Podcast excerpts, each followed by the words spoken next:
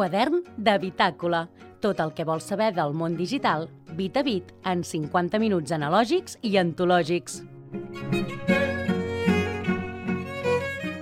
Hola, benvinguts a un nou episodi de Quadern de Bitàcola, el vostre podcast de tecnologia en català. Els habituals ja us haureu adonat que no sóc l'Eduard Cid, que és qui normalment us dona la benvinguda. A l'Eduard el tenim de baixa i avui doncs, tinc l'honor d'ocupar el seu lloc. Avui tenim un capítol especial on podrem aprofundir molt entre el vincle entre la ciència i la tecnologia, amb un convidat de molt nivell, però abans permeteu-me que saludi a l'equip habitual de Quadern de Bitàcola, Sergi Frias. Molt bona tarda. Què tal? Bon dia, bona nit. Ara ja t'ha quedat això, eh? ara ja ho aniràs eh, dient a cada programa. Ho après, eh? Ho has après perquè això és un podcast i es pot escoltar en qualsevol hora del dia, del matí, de la matinada. David Martí, benvingut. Hola, què tal?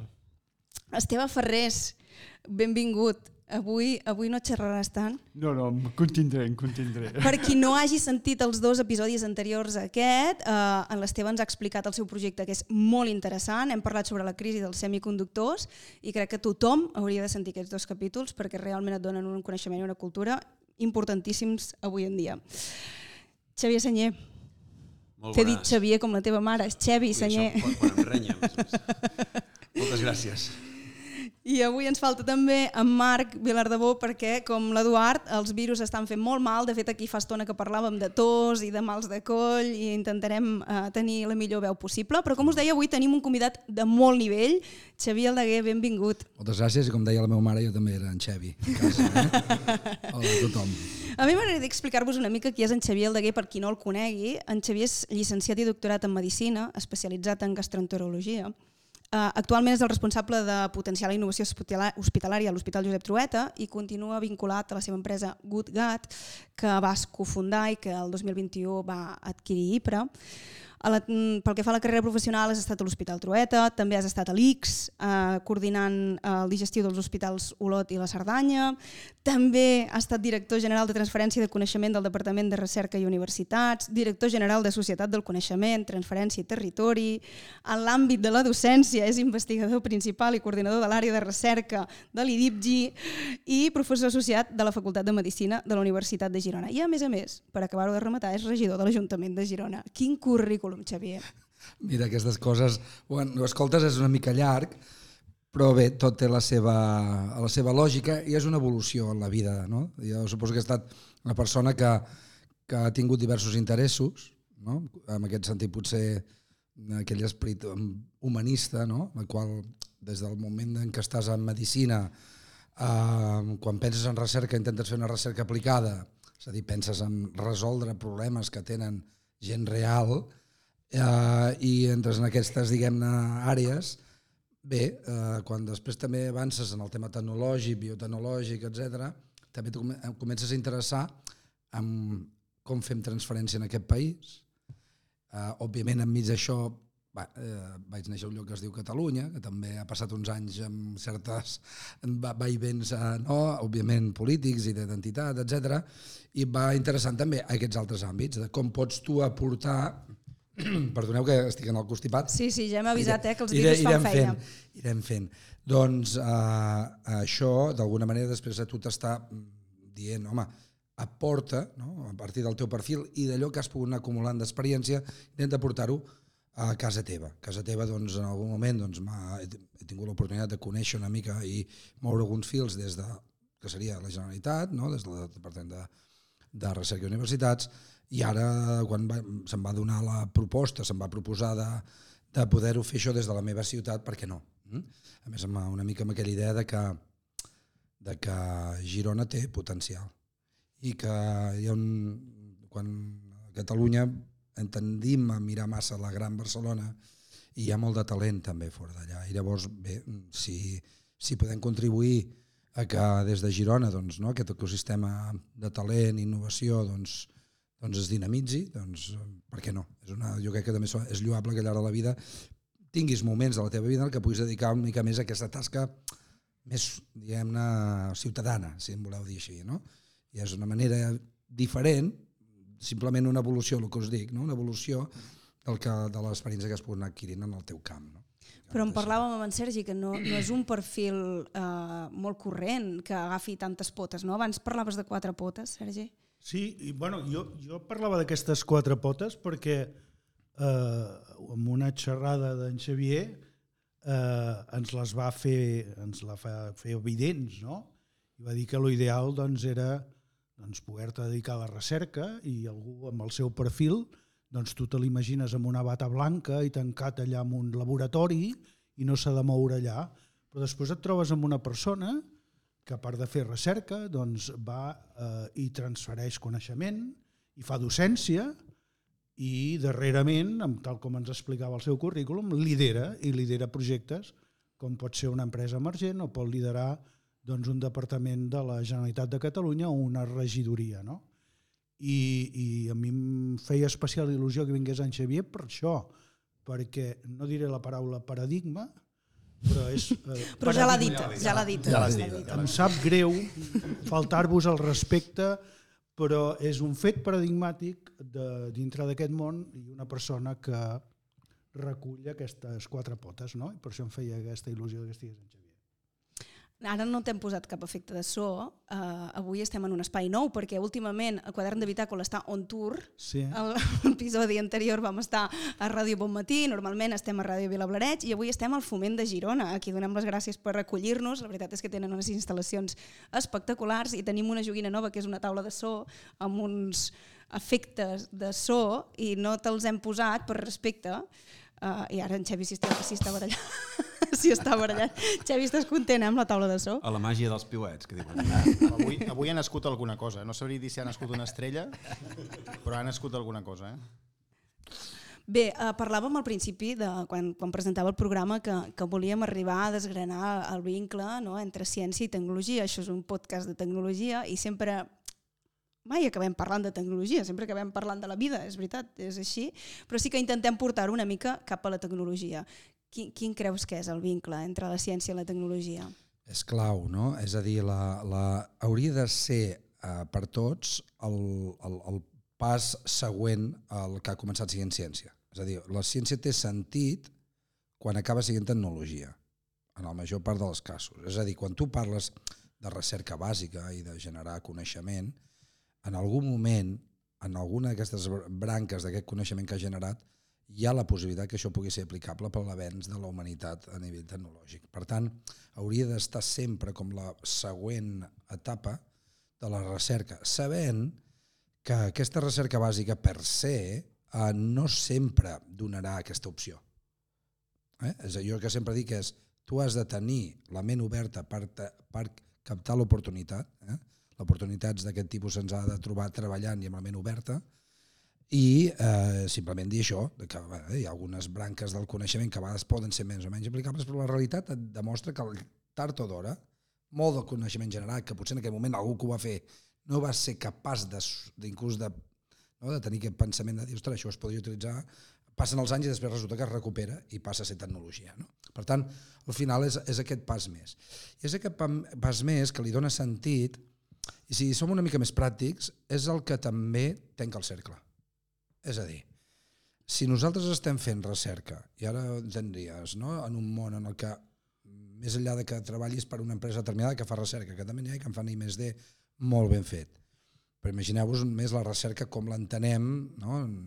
que és a partir d'ingressos no? competitius, no? a partir de buscar doncs, beques, eh, fons europeus, locals, eh, estatals, eh, no? el, el que sigui, això, al final, sorgeix dels impostos de la gent.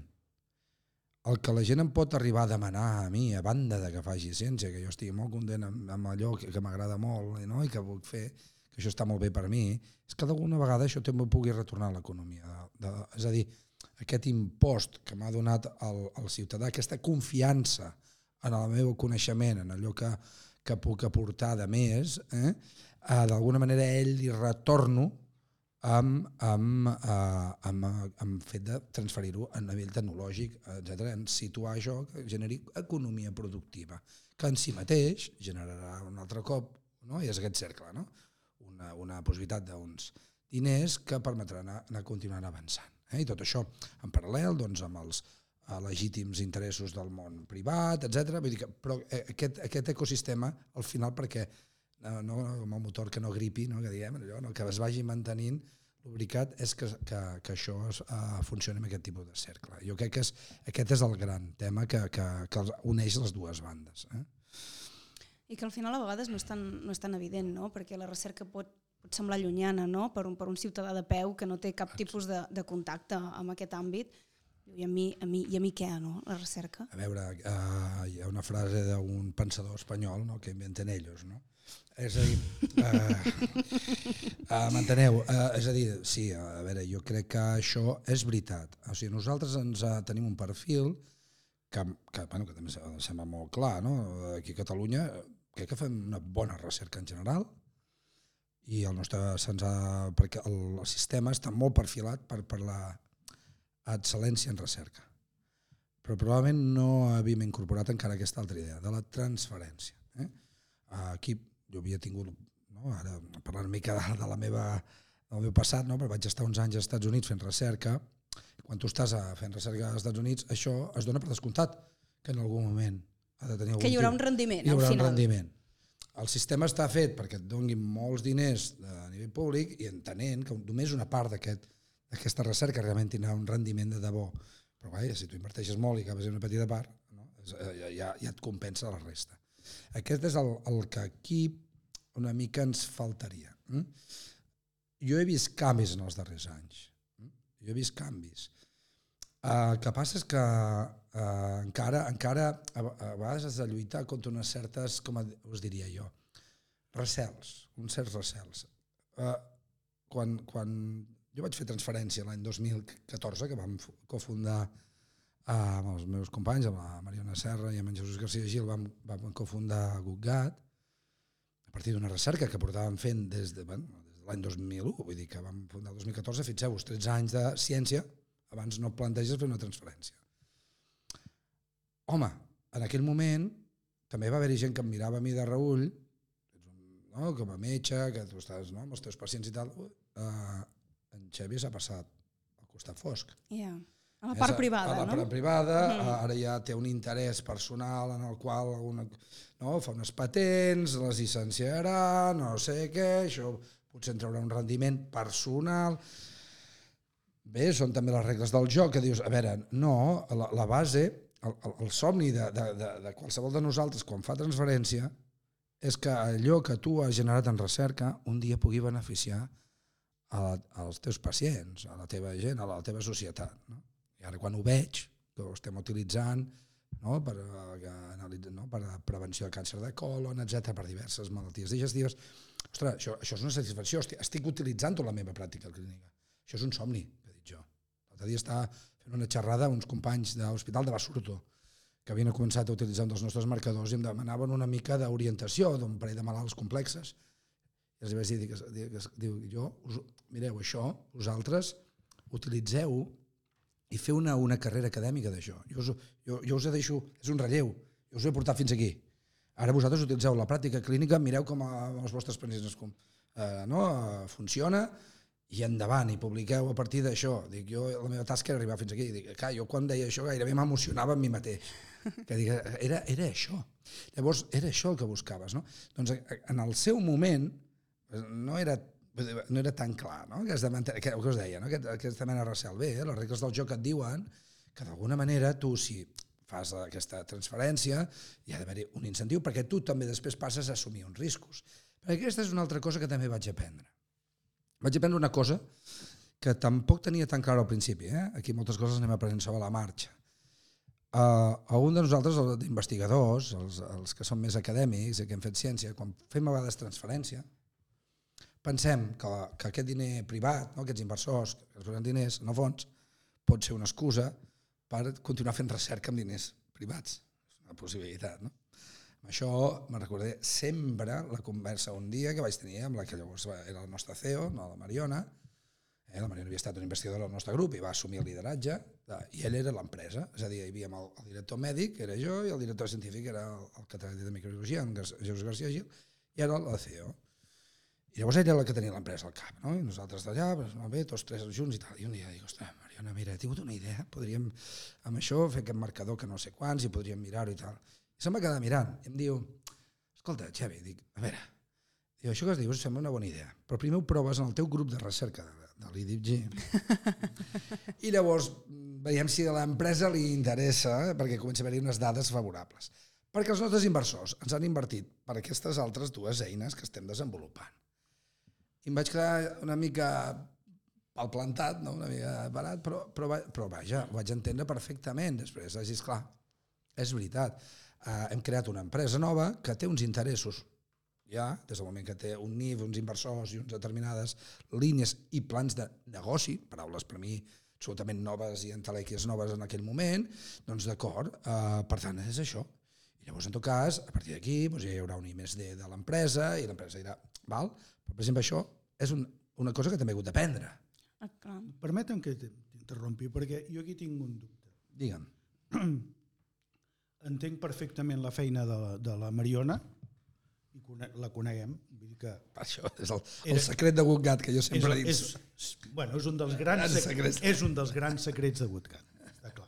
I va fer la feina que li pertocava. Sens dubte. El que no acabo d'entendre és perquè amb, amb aquest tipus d'empresa emergent, aquestes, les biotecs i tal, sigui més fàcil d'entendre que pugui venir algú que té un interès purament econòmic,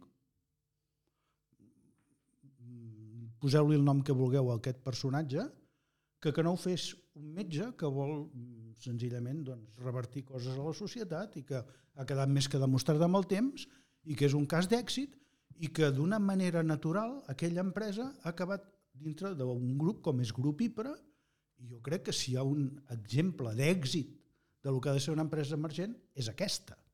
Llavors, per què generava dubtes que tu passessis al lado oscuro i en canvi pugui venir un senyor que no en té ni idea i aquell senyor sí que pugui invertir i pugui prendre decisions en aquella societat. Per què, per què una cosa no l'entenem i hem de ser tan purs i amb l'altra tenim que ser tan poc purs? És que amb tot aquest mundillo, jo com m'he fet molt gran, no l'acabo d'entendre. Um, I, i, I voldria que m'ho expliquéssiu. Bé, eh, jo crec que ve d'una mica... És que, vaja, filosofarem molt avui, eh? però és aquest tema... No ho de- fem sempre, Ah, Xavier. això. Sí, no, no No, aquesta connexió... Tranquil. Ja, ja és això, ja és això. És això, la Encara no hem ciència- arribat al bé comú, ja hi Ah, no, arribarem, ja hi arribarem. la- Senta, ciència- senta lliure. Senta lliure. Sí, no, és la ciència-tecnologia. És a dir, estic d'acord, la, la, la, és aquest pas de la ciència a la, a la tecnologia, hi ha la idea que la ciència ha de ser pura. Cosa que jo també accepto. És a dir, la ciència, tu eh, té una metodologia molt clara, la qual tu tens unes hipòtesis que s'han de demostrar o no, o no es demostren. Llavors, en un moment determinat, això és obvi que la, que la ciència és pura. Però això no vol dir que una... Llavors, dius, ho aplico a una empresa. Bueno, això no vol dir que l'empresa no sigui pura. El que passa és que després, el que s'ha de tenir molt clar, és que l'empresa simplement, la, la cosa nova, és que ja, hi ha un, un diguem-ne, uns diners invertits en els quals hi ha un interès que, que, que és comercial, també. Però que és comercial simplement que també tota la lògica. És, és comercial perquè vol, vol omplir un nínxol d'una necessitat que hi ha en el mercat, en aquest cas en el mercat sanitari, on, on sigui, vull dir que al final tampoc és res que no sigui legítim, eh? però aquesta part comercial que hi ha al darrere d'aquests inversors, si la persona que és el, el, el, aquest cas l'investigador fa aquest pas, es pot pensar que ja els interessos no només són de ciència pura. Aquí, aquí òbviament, aquí simplement és tenir molt clar quin és el teu paper.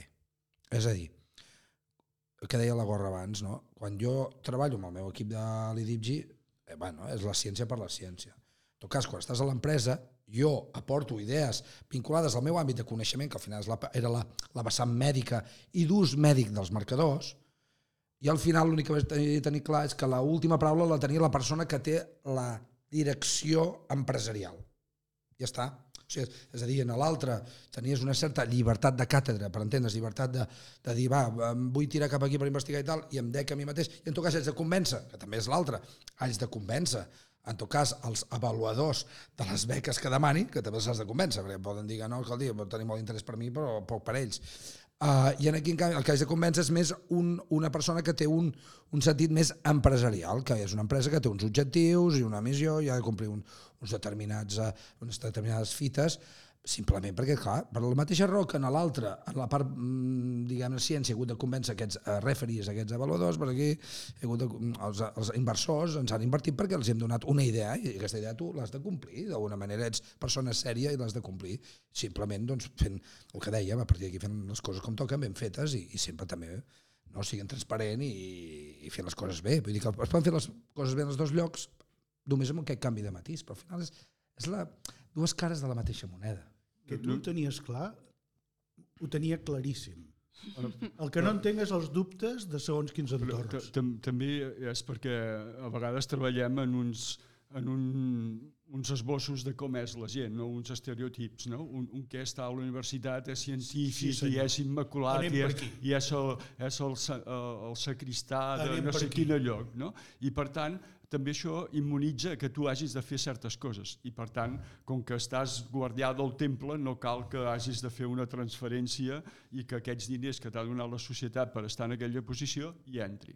L'altra part de, de quan aquesta idea entra en el mercat, en una economia com estem capitalista, hem d'entendre que també aquest retorn que la societat ha alimentat una certa investigació i té uns resultats, també li interessa a la mateixa societat que això eh, agafi una realimentació quan més positiva millor per generar més beneficis i que aquests beneficis hi vagin. I llavors hi ha la part política que és, molt bé, eh, hi ha un haver-hi un repartiment equitatiu d'aquests beneficis. Llavors, ha d'haver-hi els treballadors que hi treballen han de guanyar-se bé el sou, el sou, el que ha invertit ha de tenir un retorn acceptable per la inversió i invertir nou, novament i el que ho ha trobat que ha generat tota la cadena ha de tenir un, un cert retorn.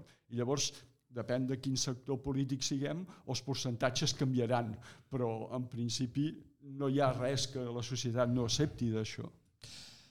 Jo penso que amb això hi ha unes regles del joc que estan bastant assumides en el món de l'emprenedoria, tal com són, i el que dius, al final, eh, és necessari això, perquè d'alguna manera tu com li tornes a la societat? Li tornes a la societat amb la generació, això primer de llocs de treball, per cert, eh, que una empresa quan la crees crea, generes llocs de treball, entre altres coses, a més, empreses d'aquest tipus generen llocs de treball amb valor afegit. Per tant, talent que tu et quedes aquí.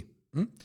I dos, llavors és quan comença a generar una sèrie de beneficis, home, hi ha una cosa que es diuen impostos, etc que tu retornes a la societat, que seran invertits per millora general. Quanta més capacitat tinguem de que el talent que generem a les nostres uh, centres d'educació, etc puguin fer aquest pas final, home, el país... És que, clar, llavors això es, diguem, permea a tota la societat en positiu. És, és un tema cultural, eh, és un tema d'ecosistema, no, al final. El que tenim aquí no és el mateix que hi ha en altres llocs. Tu ho deies molt bé, Xavier, quan explicaves la teva, la teva etapa fora d'aquí. Uh, és un tema de prejudicis, no? com deia també l'Esteve, no? m'ha agradat molt el del temple, no? el guardià del temple, aquest no se li discuteix res, quan en el fons pot estar malbaratant diner públic d'una manera absolutament pasmosa, uh, sense apenes vigilància, sense cap objectiu, sense cap res a complir, no? i simplement perquè és algú que treballa per allò públic, és algú que ja es considera que està fent bé la seva feina, quan no té per què ser així. Estic segur que en el 99% dels casos és així, eh? Però no, no dona cap dubte. En canvi, que algú pugui guanyar diners, que és una cosa que està bàsicament mal vista, no? també és un tema cultural això, doncs eh, eh, se li hagi de posar el dit a la, a la llaga. I quan algú com tu, en algun moment a la vida, per un tema vital, ha decidit legítimament, i a més a més pensant que era el que li tocava fer i el que havia de fer, ha posat els peus en els dos costats, llavors ja vés a saber el que es pot arribar a dir. No, és, un, és un tema cultural. Jo crec que és un tema cultural que ens l'hem de fer mirar una mica, ja sabeu que és una de les meves dèries, però crec que eh, aquí hi ha la clau bastant d'una mica tot plegat eh, en aquest aspecte. Sense portar el tema a la política perquè és prou ric que el personatge... Jo he estat a punt de fer-ho. Fer-ho fa 30 has, segons. Has, has, has tocat quasi bé, has tocat quasi bé la, la, la baraneta. Però tampoc està prohibit, eh? no, no, no, no és lleig eh, parlar de política. Està molt bé parlar de política perquè ens, per, perquè ens atany a tots era per no abusar del personatge, perquè, no. perquè té una dimensió científica molt important i, i, i creiem que, que anava per aquí, però no fugim tampoc. Eh? Això mateix, que estem parlant de la universitat i tot, passa en moltes altres àrees i crec, estem d'acord, Xavier? I tant, i tant. I hem, hem de tot això ens ho hem de carregar ja d'una vegada i començar a reformular segons quins pensaments. Perquè aquests dies estem veient aquests hemicicles que un senyor mira de cara als altres i els altres el miren de cara amb ell i mai es posen d'acord. Sí? Per què hi ha part d'aquell hemicicle que sempre quan parla té que parlar en funció dels seus valors, el seu pensament, i jo sóc del Congreso 27 i jo del Congreso 48, i jo del decimonono, però jo sóc de la part que creu més i tal, i ens hem d'enrotllar com persianes, mentre que hi ha una part minoritària, afortunadament, d'aquest hemicicle, que l'únic que ha de dir és vamos a tomar cervezas. Per què? Perquè això ho portem a totes les àrees. Ostres, no va ser hora de que repensem tot? I segurament posarem uns llistons a moltes coses on tots ens trobarem molt més del que ens trobem actualment. No sé, poder jo sóc un somiatruites, eh? Però bueno, el Lennon deia que valia la pena ser-ho. Eh, Jo, potser tornant a un punt més de parlar de transferència, us diria que això val per tot. És a dir, per exemple, de la, uh, tendim a tenir-ho molt clar en el món tecnològic, en el món, per exemple, de la salut, etc. Però, però com valorem, per exemple, demà un professor de grec clàssic que ha fet, dir, perquè podria ser algú que podria ser l'arquetipus d'una persona que està a la universitat només traduint textos grecs, que en un moment determinat ha generat una exposició vinculada com el grec ha estat al darrere del llenguatge, per exemple, català i no sé quants, i ha, ha fet una exposició, per exemple, no? és el, el, el comissari d'una exposició. És a dir, la transferència, aquesta transferència a la societat és, és molt àmplia i es pot allargar fins i tot, eh, no, ampliar inclús a la, a la gent més d'humanitats més pures, eh? perquè les humanitats de, perquè també, eh, jo crec que hi han d'entrar aquí tothom, ja no és només la ciència eh, aplicada més tecnològica que tots eh, tenim al cap, sinó tot això crec que és el que s'ha de posar en valor. Eh? Us ho dic perquè era el meu cavall de batalla, eh? quan estava a la Direcció General de Transferència, era això, eh? precisament en les universitats, que es tingués molt més present en la carrera universitària d'una persona aquesta capacitat de transferència. És, eh, ja ho sabeu que molt de les nostres car les carreres universitàries avui en dia estan molt esbiaixades cap al pes de les publicacions acadèmiques. Jo deia, no, no, hi ha, hi ha més cosa més enllà.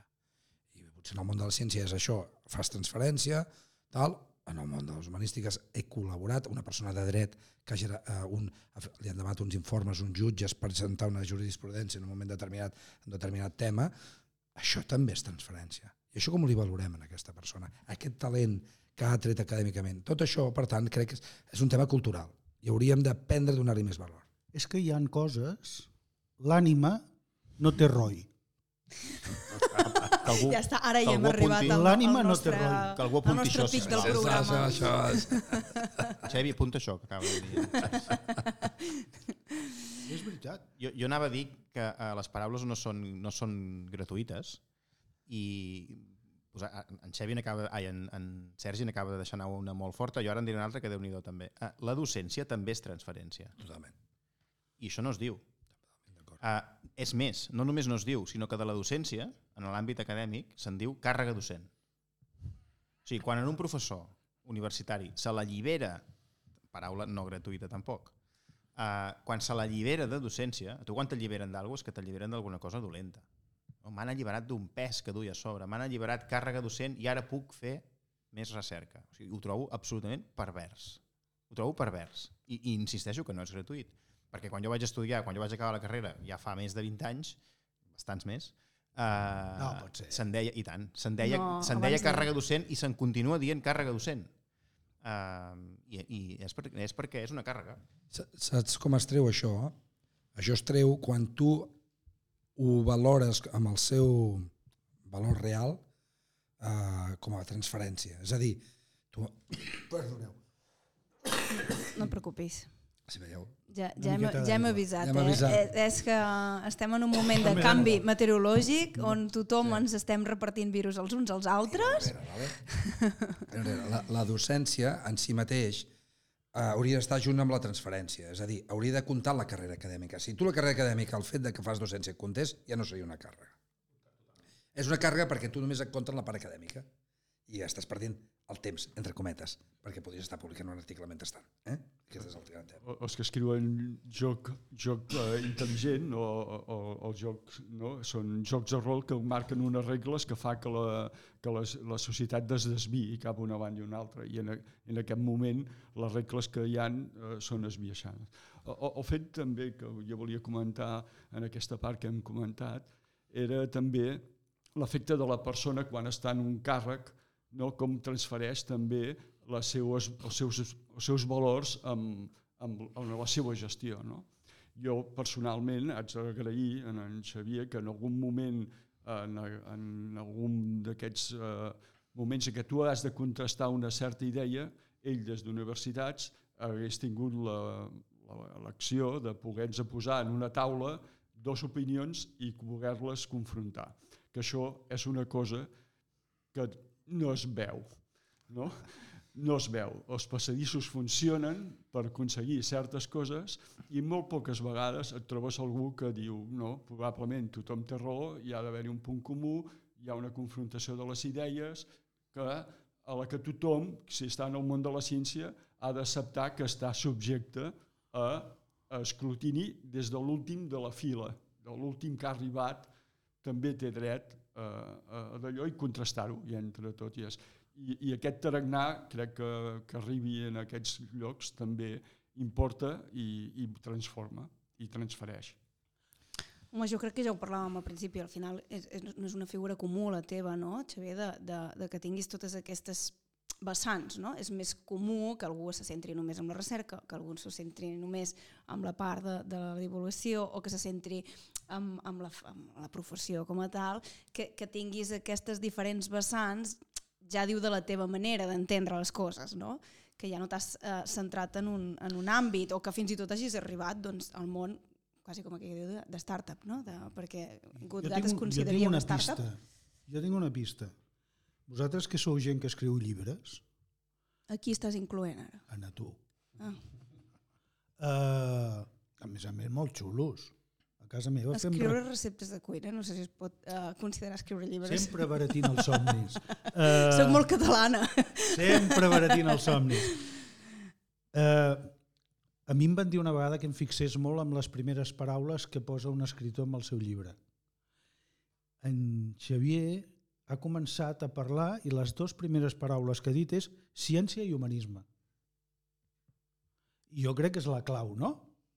T'estic xafant la teva resposta, Mm. però És que- en el, en el segon, un, quasi com els 18 segons del gol de l'altre dia al Barça, doncs en menys de 18 segons ell havia dit ciència i humanisme.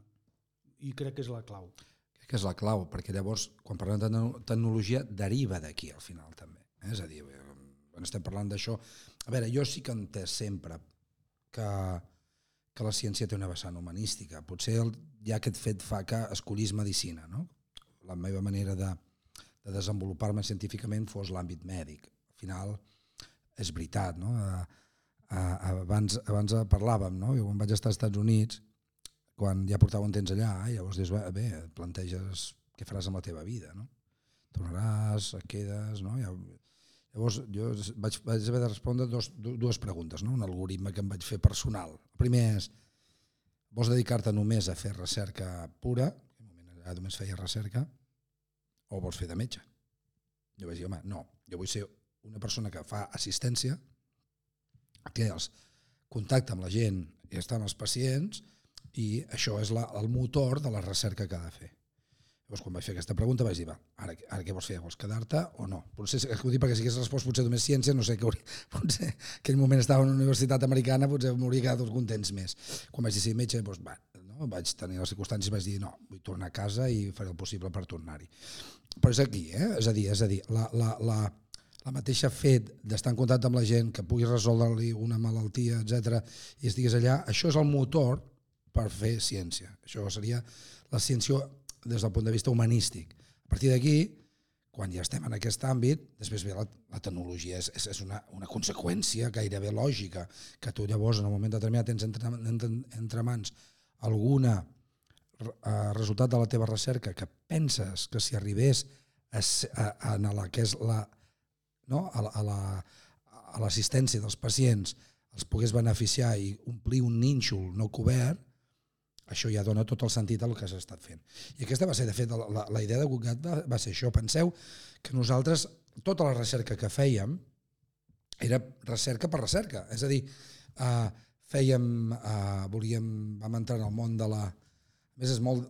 Va, us, us donaré una mica de punt biogràfic perquè en aquest sentit és molt interessant, no? O sigui, en aquest cas jo vaig tornar als Estats Units, poso en contacte amb, amb en Jesús García Gil, això a, a principis del 2002, vaig tenir la santa sort de trobar una persona que estaven treballant en aquell moment amb tècniques de biologia molecular aplicades a, a estudi d'ecosistemes bacterians de l'estany de Banyoles. La idea feliç, la idea feliç que vam tenir és que això el 2002 era molt novedós, perquè començava a aplicar-se aquesta biologia molecular, eh? són les PCRs que ara tots hem conegut amb la Covid, eh? les PCRs de la Covid, era, estic parlant d'això, eh? però això per estudiar eh, venia de l'any 98, un article fundacional a no ve el cas, eh? un email l'any 98 i s'estava estudiant. Llavors, la, la idea feliç va ser per què no estudiem un altre ecosistema, com el de Banyoles, que li direm budell humà. I això, aquesta és la idea feliç que nosaltres ens va col·locar sense voler, gairebé, sense voler, sí, home, volent una mica pensant-ho, però ens va col·locar com a pioners a l'estudi de la microbiota. En aquest cas, el meu interès era d'una malaltia, la malaltia de, de Crohn, etc. I això va evolucionar cap al càncer i tal. Però tot això eren a partir de biòpsies. És a dir, entràvem amb l'endoscopi, aprofitàvem, demanàvem el permís al pacient i li traiem una mostra addicional que utilitzàvem per la nostra recerca. Quan després resulta que en un moment determinat, en una de, de les tesis doctorals, que em va sortir d'aquests estudis, veiem que hi ha uns bacteris que estaven molt, per exemple, associats al càncer, és quan vam dir, ostres, si això ho veiéssim a les femtes, això seria un marcador. Seria un marcador. I llavors diem, val, però per fer aquest pas, si esperem a tornar... Clar, i això, us estic dient que, ja, que us deia, això el 2014 vam fundar l'empresa, imagineu-vos, ja portàvem 10 anys amb això treballant-hi, ostres, vol dir 10 anys més, i és quan vam dir, home, potser qui és on, si nosaltres féssim transferència, és a dir, utilitzem aquesta metodologia que hem utilitzat per la nostra recerca, però ja per, a, diguem-ne, per a, a sistematitzar-ho en femtes, estarem potser doncs, això, doncs, doncs, uh, creant una ciència nova, una metodologia nova, que això es podria fer a partir d'una empresa, diguem-ne, que ho podrà desenvolupar més ràpidament. Al final és això. O sigui, és, és com una evolució natural que dius, bé, ara és el moment. I llavors dius, ara és el moment en el qual això que aquí hem estat lucobrant podrà tenir un sentit i omplir un nínxol o aportar alguna cosa als nostres pacients. Aquest és el gran clic i el que va ser després Google. I, I relacionat amb tot això, i, i, i vist des del punt de vista més empresarial o startupero que abans feia menció l'Eva, clar, hi ha tota aquesta part vocacional que vau estar molts anys d'investigació, eh, etc fins que vareu prendre la decisió de crear l'empresa, etc. Mm, què representa o, què, o, o, o com tu agafes quan et ve una, una gran empresa com és el cas d'Ipra i s'interessa per vosaltres? O sigui, perquè, clar, bueno, això... Eh, S'ha de dir que eh, nosaltres eh, Clar, fins ara, fins aquest moment havíem anat avançant. Primer de tot, vam, els primers diners els va portar les 3 Fs. Friends, Fools and Family. Per sort, deu ser la tramuntana en aquest país. Uh, vam tenir molts inversors, i això va estar molt bé. Uh, llavors, òbviament, doncs, ja vam tenir no, un parell de rondes més d'inversió i és veritat que en aquest cas sí que havíem generat, fins i tot us diria, vam estar fins i tot als Estats Units. Eh? Va haver interès d'una gran empresa farmacèutica de, de, Bost, de Filadèlfia i que, que era, no, era sorpresiu, ens, ens sentíem com allò, uns ratolins, no, en un món d'això, però que estàvem fent coses de molta qualitat i, i, i molt robustes, no? i molt novedoses. Llavors dius, bueno, havíem tingut aquesta primera, i hi havia també per aquí voltant, perdoneu, en aquell moment, una, un grup inversor que ens proposava posar diners amb la idea que continuéssim i arribàvem a borsa. Ens van dir una cosa, també vaig aprendre molt, eh, coses, van, ens van dir una cosa a que teníem uh, scarcity value, molt valor per ser poquets. És a dir, eren de les poques empreses a nivell internacional que dèiem alguna cosa sòlida basada en la microbiota. Això ens feia més atractius, vull dir, no hi havia tants competidors, doncs els altres en tenien 10.000, nosaltres en teníem 50 de competidors, per dir una manera. Eh? Llavors, això podia ser interessant. Això era una, una possibilitat. Però nosaltres, els que érem els, els tres cofundadors, vam dir, esclar, entrar en borsa en un moment determinat, ho podíem arribar a fer, això que dèiem abans, no? Estàs traient els teus principis o no, però una de les coses que vam pensar és podria ser que ens convertíssim llavors en uns venedors de bones notícies. És a dir, quan tu entres en borsa, clar, ja aquí has d'anar a la piloteta, l'has d'anar mantenint. I clar, la nostra, la nostra gran opció era que hi hagués una gran empresa, és a dir, hi ha un soci industrial que el primo zumosol, que he dit jo, que vingués i que anés un punt més allà, perquè és veritat que estàvem en una fase en què ens faltava potència. Aquesta potència venia d'un gran inversor. I, clar, llavors, escollir per escollir, quan vam tenir la, el moment, aquest moment en el qual veiem que IPRA té un interès per nosaltres, era, era allò, era allò de dir, aquests són els que podran acabar de fer aquest pas. Uh, I això, al final, el que dèiem, les, les casualitats t'han de trobar treballant, no? perquè al final, penseu-vos, van passar moltes coses, eh? Va ser que entremig la Covid, que de fet a nosaltres va ser un moment que vam quedar molt, bueno, molt penjats d'un fil, vam, vam sobreviure a la Covid, però això, qui anava a dir que era la, la, la segona part de la pel·lícula, que va permetre que IPRA es plantegés no? entrar a la línia humana, i és veritat que ens va conèixer a partir de tot el que va haver-hi de la, un altre dia us explicaré no? la història aquella famosa del, de la PCR gironina del Covid, no sé si sabeu aquesta història aquesta història doncs d'alguna manera i per, per aquí ens va conèixer i la sorpresa va ser que després es va interessar per nosaltres i vam iniciar un període de negociació que a més és maco mi té un... A veure, nosaltres si haguéssim hagut de vendre per als Estats Units ho hauríem fet ho hauríem fet però, però és veritat que a vegades ten, considerem un èxit que també, eh? es crea una empresa a Catalunya i ens el compra algú d'Alemanya o dels Estats Units. Mm, bueno, però se'ns se en va d'aquí, eh? Que compri algú de, de Clar, llavors de el que jo vaig trobar que que era tecnologia gironina comprada per una empresa gironina, home. Està molt bé, això. Eh? Ja sé que està malament que ho digui, però, ostres... Rodó. Molt rodó. Va, això ja dic, és la... ara sabeu, quan es miren les coses uh, cap enrere sembla que tot té una lògica, eh? òbviament com podeu comptar fixeu-vos les casualitats es van anar a la Covid pel mig, nosaltres en aquell moment és veritat, estàvem allò buscant aquest gran inversor per fer aquest salt al mercat que ens faltava ens faltava aquesta empenta final és el ball de la mort eh, vull dir, entraríem tots vosaltres sou experts en startups ja sabeu com tot això va estàvem allà una mica pendents bueno, bé, vam tenir la santa sort de trobar allò que buscàvem realment és a dir, aquesta empresa que està en el camp, que, que que tecnològicament coneix i tu saps que també estaves obrint un camp nou, al final li augmentaves el portafoli en el món humà i aquest era, era allò. No? Perquè, us de dir, perquè opcions també podrien haver hagut altres. Aquesta per mi va ser la ideal, era, era el moment adequat i vaja, sí, sí, tancar el cercle. I, I el punt de trobada torna a ser un lloc de voluntariat, de contribució, d'ajuda social en un moment difícil, no? que, que també és un altre bon lloc de trobar un bon company. Totalment d'acord, totalment d'acord. Va ser, a més, és una època...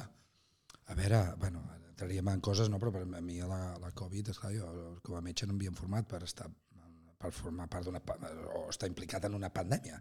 Això no, això no ens ho havien explicat. Això ho sabíem per història, en tot cas per història de medicina, eh?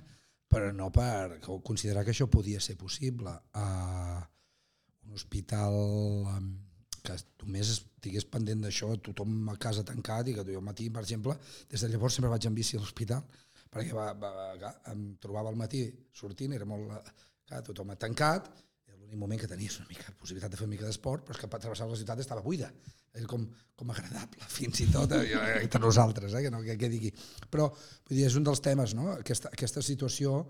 Inclús un dia vaig tenir una, un intercanvi de tuit amb el doctor Trilla, que el miro molt, que el coneixia per altres circumstàncies, que una vegada en un debat va bé, el sistema sanitari no ha col·lapsat, ho hem dit, hem aconseguit. Jo, jo li vaig dir, ho sento, vaig matisar-ho. Ja vaig entendre el que va dir ell. Va dir, tothom que va necessitar una intubació la va tenir. Ell, ell estava dient això. Però jo vaig dir, dic, des del moment en el qual el 95% dels pacients que tinc a l'hospital són d'una sola malaltia, la sanitat ha col·lapsat. Perquè, òbviament, jo tenia malalts de malalties importants digestives que els estava controlant a distància i que després he hagut de fer mans i mànigues per tornar-los a posar una mica a to. No? Aquestes coses vull dir que, que hi eren. No? Això a nosaltres ens ensenya molt i el fet també d'una certa sensació de, que, de gent morint, no? I això et marca, eh? Vull dir, va ser molt important. Doncs, doncs mira, de vegades la vida és tan... Eh, no? és, és tot tan... Es, eh, sí, especial, que d'alguna manera després això es va traduir en canvi en una font d'oportunitat per el que va ser després Gungat. És curiós això. Sí, sí, un moment molt especial eh, de, la, de la meva vida professional.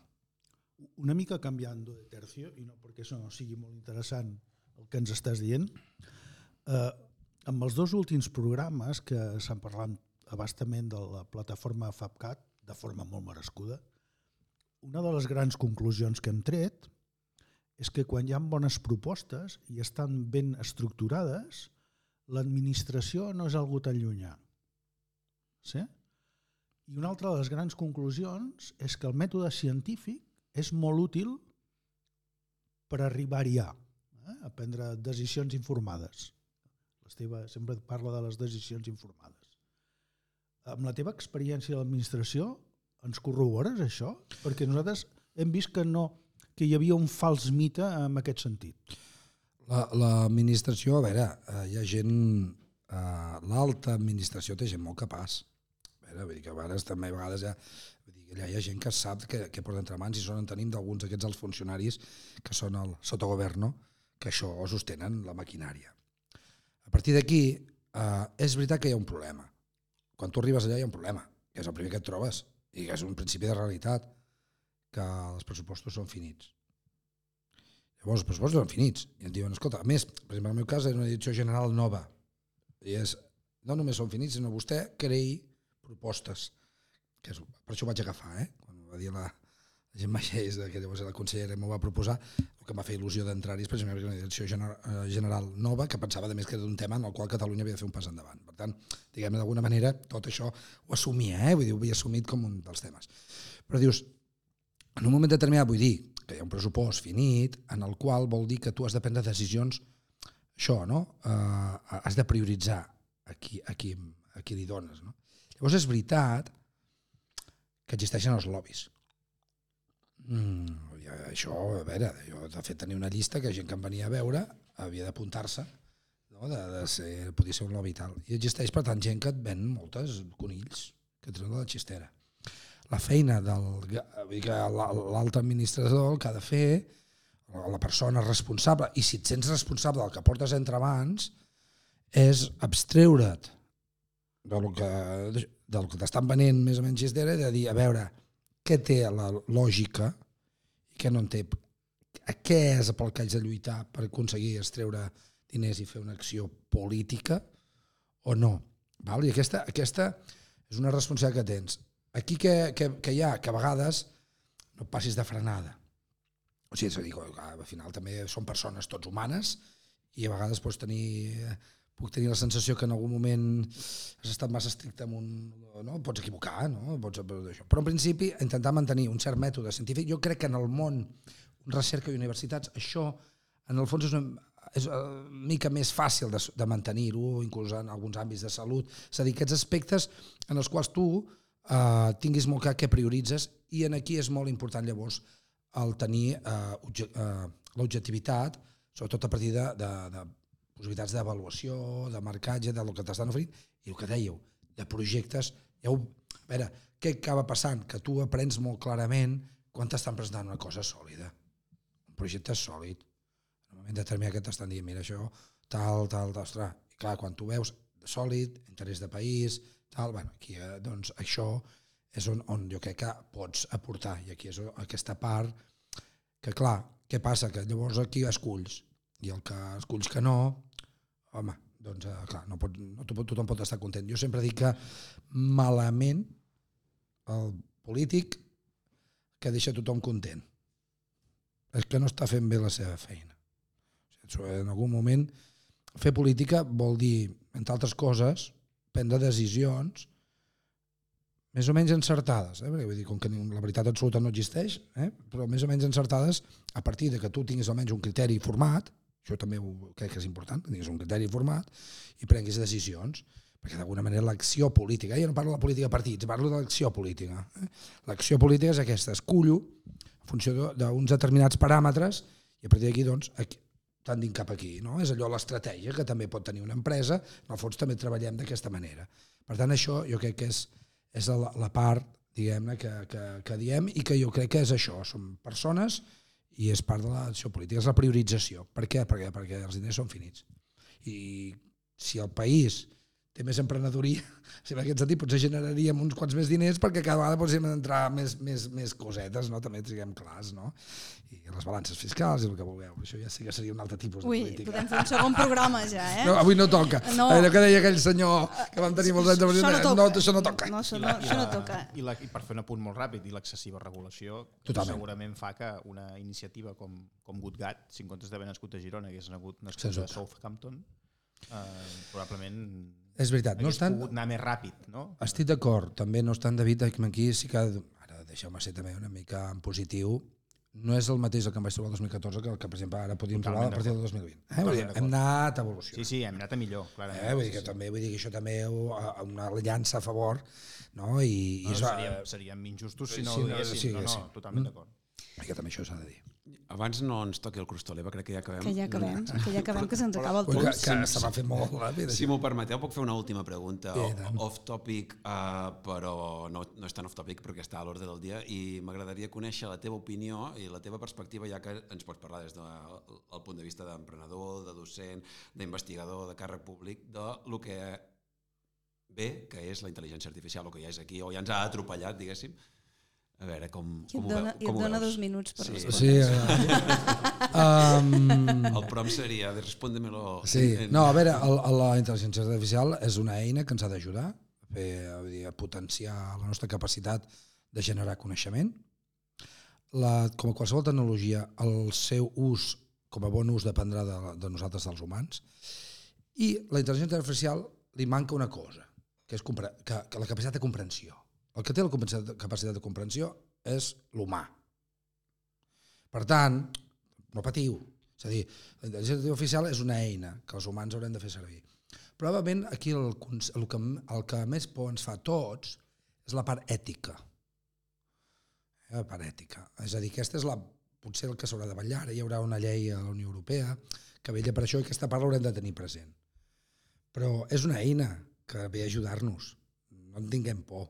També la màquina de vapor, quan es va crear, segur que molts va, els van espantar. No, no patim. A més, feia molt de soroll i fum. No hem de tenir Exacte. por de la intel·ligència artificial, sinó de l'estupidesa humana. Com Totalment. diuen. Totalment. Que aquesta és infinita, que deia. Que, no, L'Einstein ho deia, no? Deia, que deia aquesta és l'espai, infinita. no tinc dubtes si és infinit, l'estupidesa humana segur que és. La- Els 50 minuts han passat volant, eh, quan, diuen que quan et queden coses per parlar és que ha anat bé, no? tindríem per un altre programa. I, I abans d'acabar aquest programa sí que en Sergi ens vol fer una pinzellada de literatura. Sí, perquè ara, ara, després de 50 minuts, ara jo us vull desmuntar el personatge.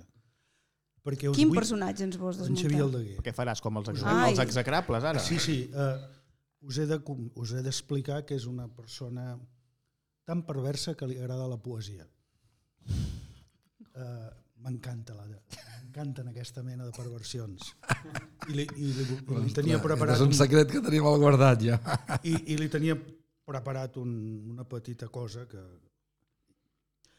L'aigua, la terra, l'aire, el foc són seus si s'arrisca d'un cop a ser qui és. Caldrà que digui de seguida prou, que vulgui ara caminar de nou, alçat sense repòs, per sempre més home salvat en poble, contra el vent, salvat en poble, ja l'amo de tot, no gos mesell, sinó l'únic senyor. Magnífic, magnífic. No teníem uns aplaudiments d'aquests de, de, de soroll. Gràcies, gràcies Bé. eh? Ho tenies preparat això, eh? Ui, ui, ui. Fins aquí arriba el nostre programa, Xavier. Espero que hagi estat a gust i que, que t'hagi agradat estar acompanyat del quadern de Bitàcola i que potser més endavant ens tornis a acompanyar, perquè ens han quedat Encantat. un munt de temes per Encantat, parlar. encantat. Deixeu-me que, que m'acomiadi de l'equip. Gràcies, David, per estar aquí. De res. Gràcies, Esteve. Moltes gràcies a tots per la colla.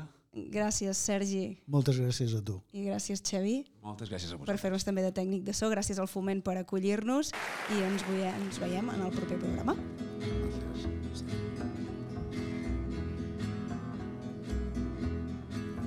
Nosaltres sabíem d'un únic senyor i veiem com esdevenia gos.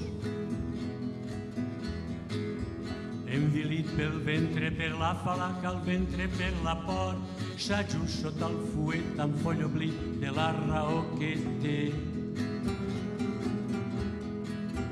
Arnat, menjat de plagues, sense parar llepada, l'espremà que l'ha fermat des de tant temps al fang. Li hauria estat senzill de fer del seu silenci mur impenetrable altíssim va triar la gran vergonya mansa dels lladrucs.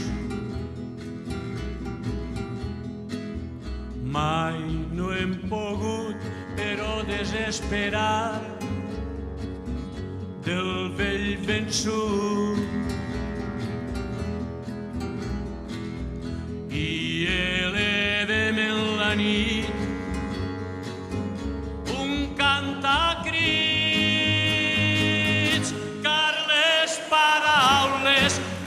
vessen de sentit l'aigua a la terra, l'aire, el foc són seus. Si s'arrisca d'un cop a ser qui és, caldrà que digui de seguida prou que vulgui ara caminar de nou, alçat sense repòs per sempre més. Home salvat en poble contra el vent, salvat en poble i a l'amo de tot. No gos més ell, sinó l'únic senyor. Mai no hem pogut, però desesperar del vell vençut.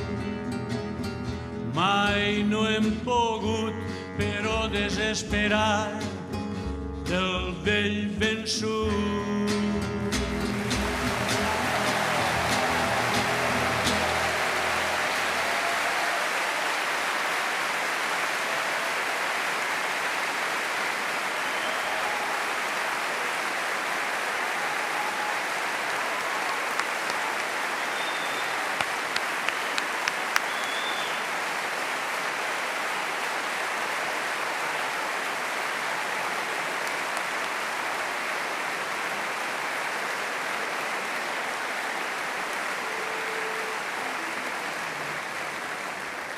Un bellíssim poema de Salvador Espriu escrit en record del seu amic de joventut que va morir tan jove, als 20 anys, Bartomeu Rosselló Porce, el poeta important mallorquí, i que foren molt amics i que semblava que seria un, un, una intel·ligència superior i va morir molt jove. I, i està sempre present en gran part de l'obra de Salvador Espriu al llarg dels anys. El poema és Petita cançó de la teva mort.